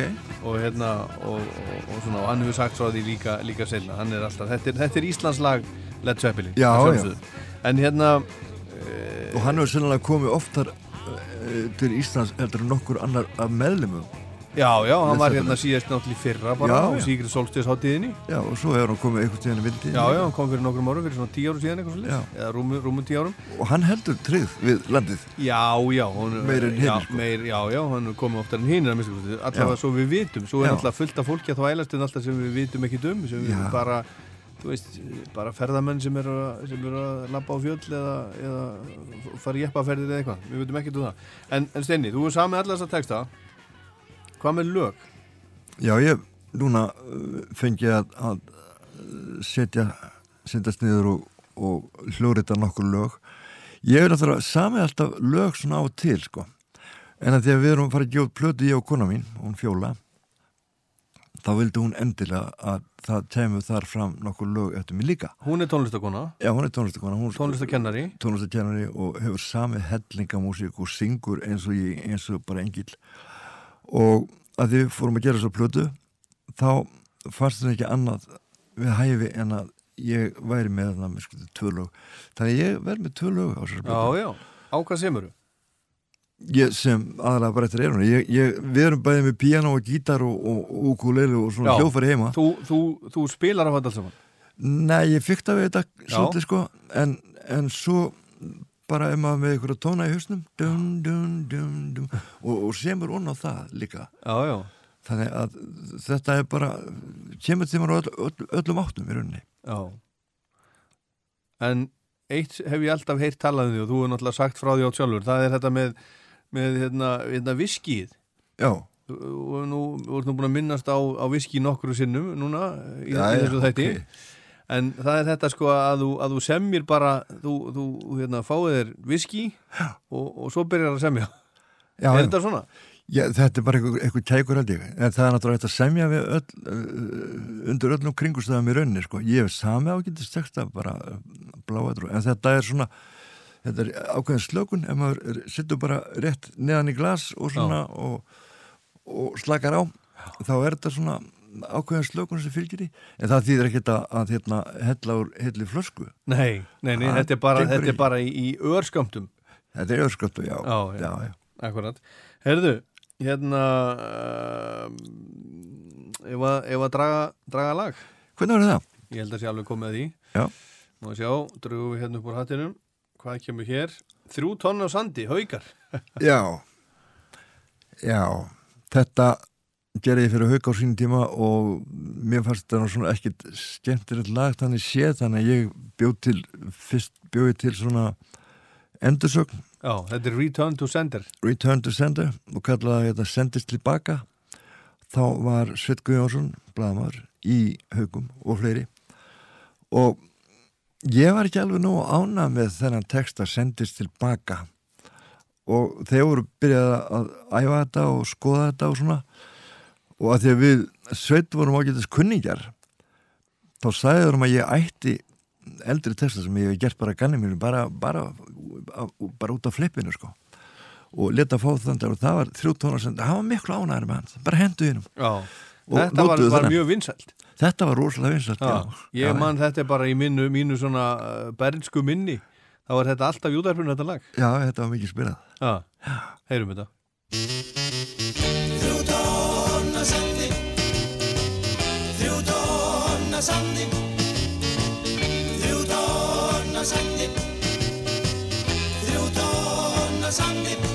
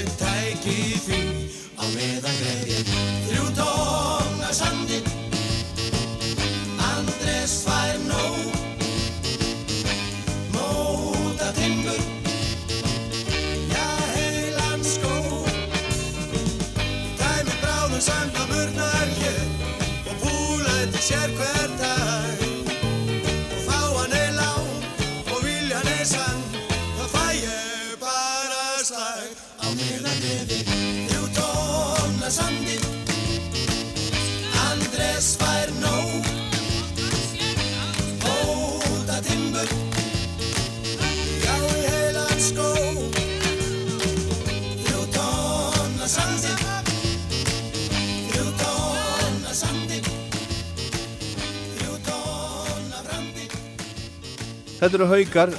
Hvaða ári, ári er þetta, Þorsteinn Eggersson? mér minnur þetta að koma út 76 Já, það var þetta ár sem ég gerði sko fleiri texta heldur en nokkurt annað ár. Ég gerði ekkert annað. Það já, var- þú varst bara að semja texta. Já. Jú, Hvað að- sagðirðu? 67, Eh, 76? 76 76 textar. Nei, þetta árið 76, það voru 67 textar Já, svoleiðis. Það var 70, ári 76, 67 textar. Já, Já, og þú varst bara í þessu, þú varst ekkert að, ekkert að, ekkert að vinna sem bladamaður eða? Ekki minnist þetta þess, jú, ekki dvelur að ég hafa skrifað einn, eh, einn og einn dálk eða eitthvað, ég bara Já, en þú varst bara mestmegnis heima mest megnum að lepja viski og semja texta? Já, reyndar svolítið líka rauðvinni, stundum. Já, og þér veist að fannst þetta, þetta eh, gott líf Þetta var gott líf, já. Það var líka á þessum tíma, þá seldist plötur alveg svakalega.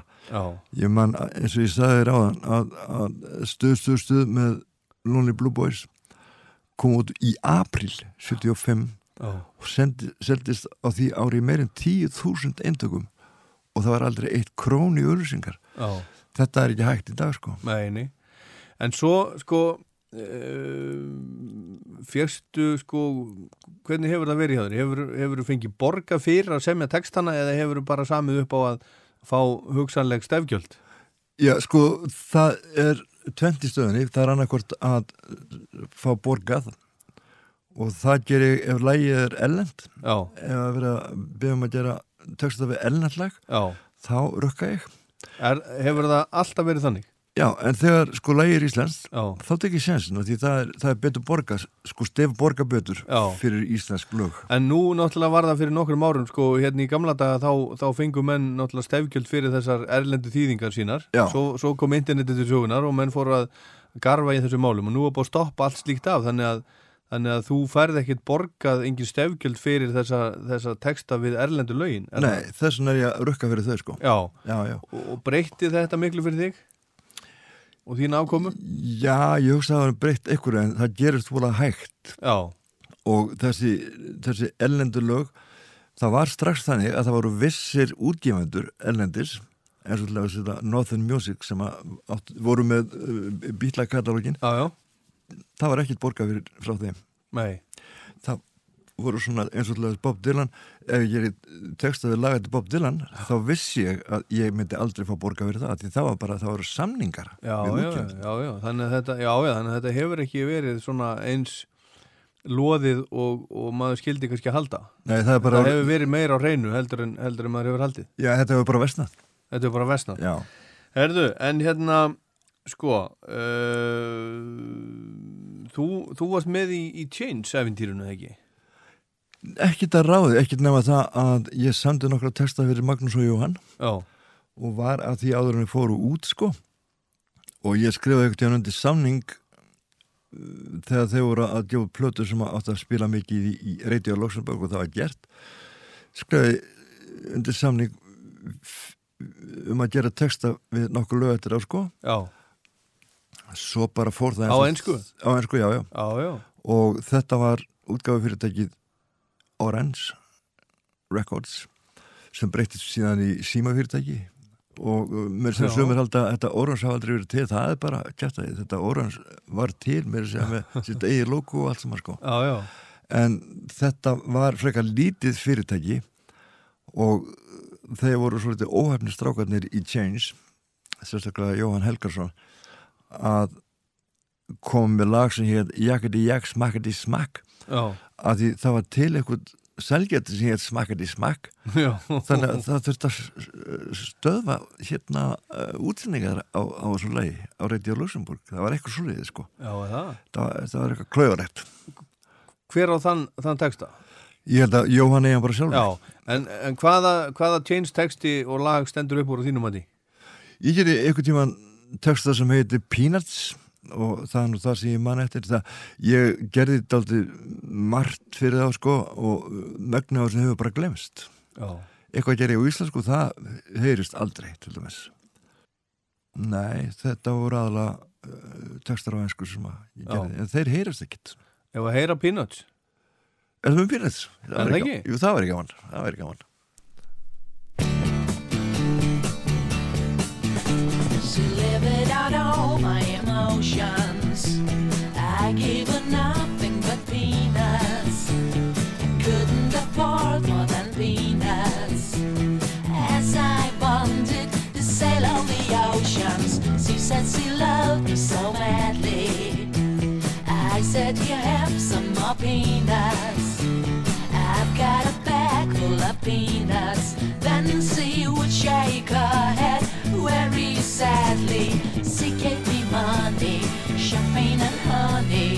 records and funk, stayed the night and got drunk.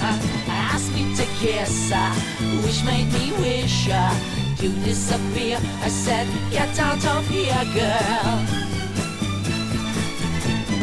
When I felt bad, she would suffer. I filled the belly with peanuts. She never cared much for peanuts, but that was really all that I could been singing la la da la.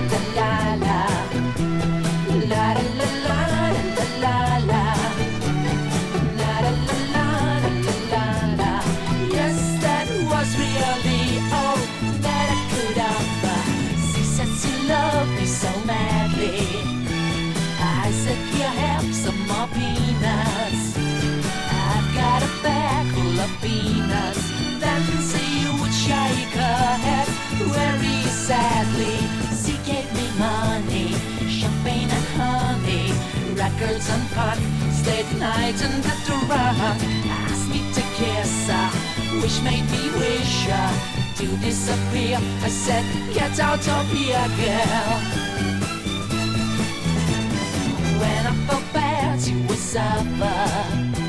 I filled the belly with peanuts. For peanuts, but that was really all that I could been singing. La la la la la la.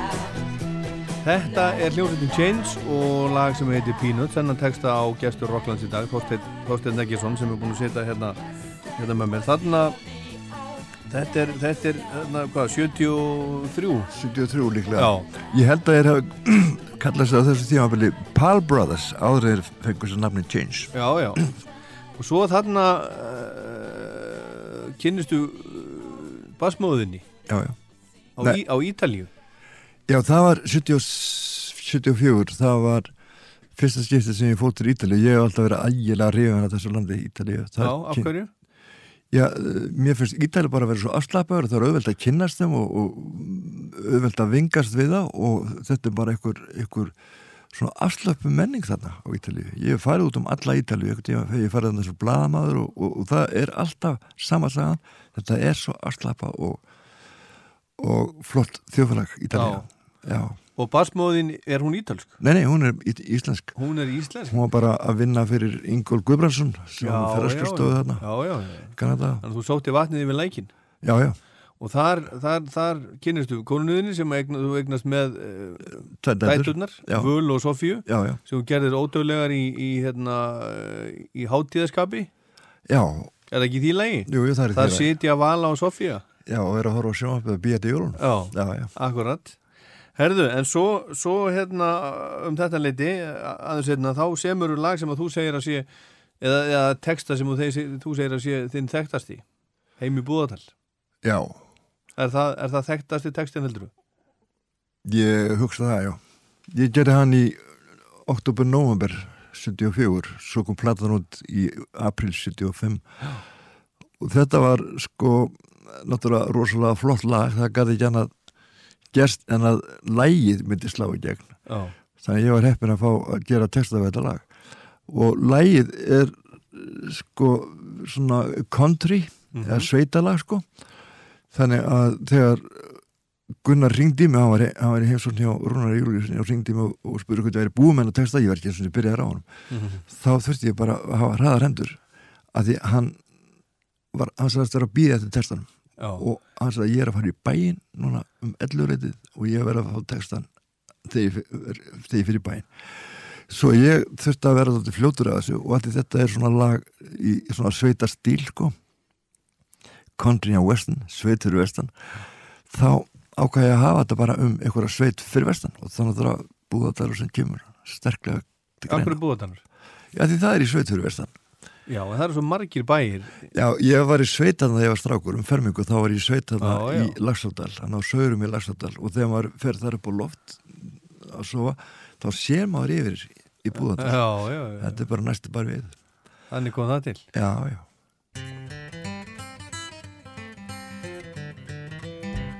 Er ég kem heim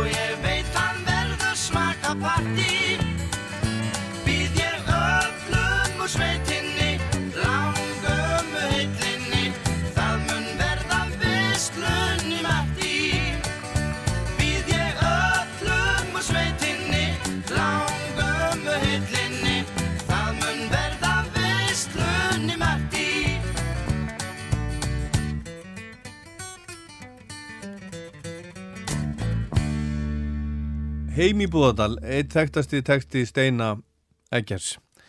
Uh, Steini, hérna, hvaða, hvaða teksta ertu nú ánæðastu með þeim sem þú hefur, hefur gert? Það er alltaf rosalega misa, það er bara eftir hvernig, hvernig skapum maður í Já, ég. en til dæmis miðan við bara skap dagsins í dag? Já, að ég er búin að hlusta á þetta þá get ég vel trú að heimi búðardal kemur sterklega inn sko. Já, er það? Já, já. Já. Eða bara hvað sem er. Eða bara hvað sem er, þú nefnir bara, nefnir bara eitthvað. Herðu, það á að, á að uh, flytja textana þina í salnum núna 22. februar. Já. Og þar verða í aðalhutur kom að syngja uh, Matti, Matt, Já. Eurovision Matti sem er líka í dundufréttum og, og svo framvegis. Og, og Heiða Ólafs, Já. sönguna. Og, og svo verður hljómsvitt. Já, sko Heiða Ólafs á vegu vanda að þessu öllu saman. Hún, hún er búin að undirbúa þetta og hún er búin að gera þetta bara alveg stór glæslegt þetta. Já. Þetta Og, og þú ætlar að vera með upp á sviði allan tíman Já. og segja frá. Segja sig úr, já. Verður þetta ekki bara uh, fjagara tíma prógram? Nei, hún ætlar að hafa þetta eitthvað stittra sko. Það getur vel verið, þetta eru ansi mörg lög. Ég er búin að sjá, ég er búin að sjá þetta eru 20 eitthvað lög Já. og svo ætlar þú að segja frá Já. Þetta, þetta á eftir að taka einhver tíma sko. Og svo er hérna, þú sér, sér steini þú sér þetta lögin sem að, sem að ég týndi hérna til og var búin að, týna til hérna uh, til þess að tala um, við erum ekki búin að komast yfir nema bara lítið, lítið brotaði Já, sko ég held að heiða ætla að hafa þetta þannig að, að sum lög verða bara svona bara til áminningar. Já. þau verða ekki flutt kannski í heilu lagi. Aha. það verða bara helstu lögin sem að verða sko flutt frá upphafið til enda. Já. en það er þetta ansi mörg lög sko. En hvernig hérna líður þér vel upp á sviði? Já, já, já. Já, ekkert feimur við það? Ekkert feimur við það. Ekkert feimur við það. Ég var að kenna í mörg ár þannig að mér finnst þetta bara eðlilegt að koma fram. Já, og, og, og leggur þetta svona að jöfnu? Þetta er svona eins og að kenna að standa upp á sviði fyrir, fyrir fram að fulla sala fólki. Ég, ég hugsa ekki og út í það. Ég, Þú pælir í því bara? Nei, nei, ég er bara hann að staðnum og þetta er bara fólk eins og, eins og ég. Já. Eh, Sko fólk er bara fólk, hvar sem það er. Já. Það skiptir ekki máli þannig. Skiptir ekki máli. Herru Steini, ég er að velta fyrir mér hvort við hefum að enda á því að draga lag úr bunkanum eða hvort að við hefum að enda á einhverju ákveðnu lagi. Er, er eitthvað sérstætt lag sem að þú ert með í huga? Nei, ég vil ekki bara kíkja á bunkan Kíkja á bunkan, ég lokaði honum og, og uh, skulum við sjá hvað kemur þetta upp, upp á bunkanum. Heimin og jörð. Björgun Haldursson, hvernig líst þér að enda á því? Já, þetta er rosalega stort og mikið lag. Og þetta er gaman að segja því líka að Gunnar Þorðarsson sem er náttúrulega búin að semja alls konar músík að þegar hann fær texta í hendunar eftir mig þá lesa hann textan og býr svo til útsetninguna í samræmi við textan og hann baði mig um að gera þarna þetta lag, nei þennan texta við þetta lag sem að Björgur átt að syngja. Og þetta er svona hamfara lag sko. Svo ég gerði texta þarna um þennan strák sem býður undir glugganum og vil hafa sambandi stelpuna sem á heima inn í húsinu. Og það fara að regna og, og þrömmuður og svona síðan kemur þessi svaka útsetning með regninu og með þrömmuðurinu og öllu og þetta gerir enginn ef að Gunnar Þorðarsson Þorsteinn Eggersson, takk hérlega fyrir komuna í Rockland og takk fyrir alla textana, öll lögin, alla músíkina. Já, mín var ánæginn Og svona endur við Rockland að þessu sinni, það var gaman að spjalla við Steina, virkilega skemmtilegt og það var auðvitað fullt af lögum sem við náðum ekki að komast yfir. En ég heit Ólafur Páll, takk fyrir að hlusta.